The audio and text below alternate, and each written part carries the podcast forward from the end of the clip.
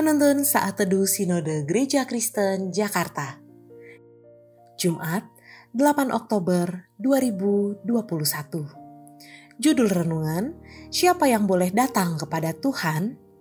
Diambil dari Nats Mazmur 15 ayat 1 dan 2 Siapa yang boleh datang kepada Tuhan? Mazmur Daud Tuhan, siapa yang boleh menumpang dalam kemahmu? Siapa yang boleh diam di gunungmu yang kudus? Yaitu dia yang berlaku tidak bercela, yang melakukan apa yang adil, dan yang mengatakan kebenaran dengan segenap hatinya. Baru-baru ini, saya menonton sebuah drama Korea kuno. Film fiksi ini menggambarkan sulitnya menjadi dayang-dayang raja. Untuk menjadi dayang-dayang raja, mereka harus bersedia dilatih dari kecil, terpisah dari keluarga mereka di luar istana. Mereka tidak boleh berasal dari kasta yang rendah. Adapun seleksi kemampuan yang secara intens dilakukan untuk mendapatkan dayang terbaik untuk melayani raja adalah tes memasak. Di istana, mereka juga tidak bisa sembarangan bertemu raja hanya orang tertentu yang ditunjuk oleh atasan mereka yang boleh pergi mengantarkan makanan. Mereka juga tidak boleh berbicara sembarangan di hadapan raja, karena raja bisa saja menjatuhkan hukuman mati jika orang tersebut salah bicara.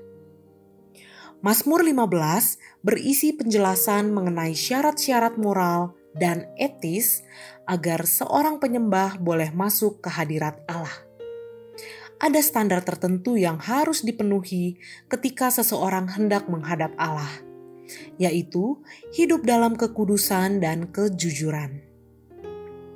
Tidak hanya di hadapan Allah, tetapi di hadapan sesama manusia, ia adalah orang yang tidak bercacat celah.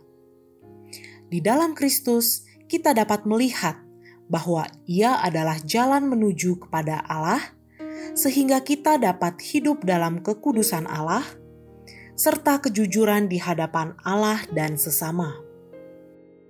Kehidupan yang tidak bercela di hadapan Allah itu hanya mungkin kita lakukan karena kita sudah menyatu di dalam Kristus.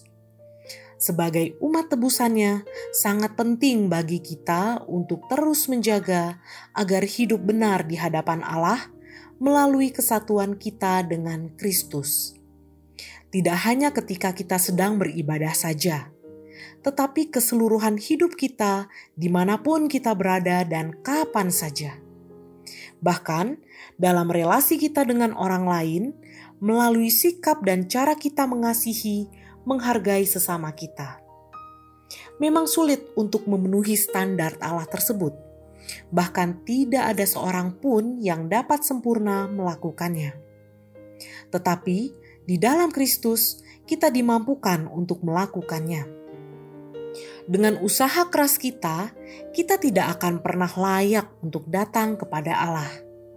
Namun, hanya dengan cara Allah di dalam Kristus Yesus, kita dilayakkan untuk datang kepada Allah, bahkan dimampukan untuk hidup dalam kekudusan Allah serta kejujuran di hadapan Allah dan sesama kita hanya pengorbanan Yesus Kristus yang melayakkan kita datang kepada Allah dengan hati yang tunduk. Kiranya Tuhan memampukan kita.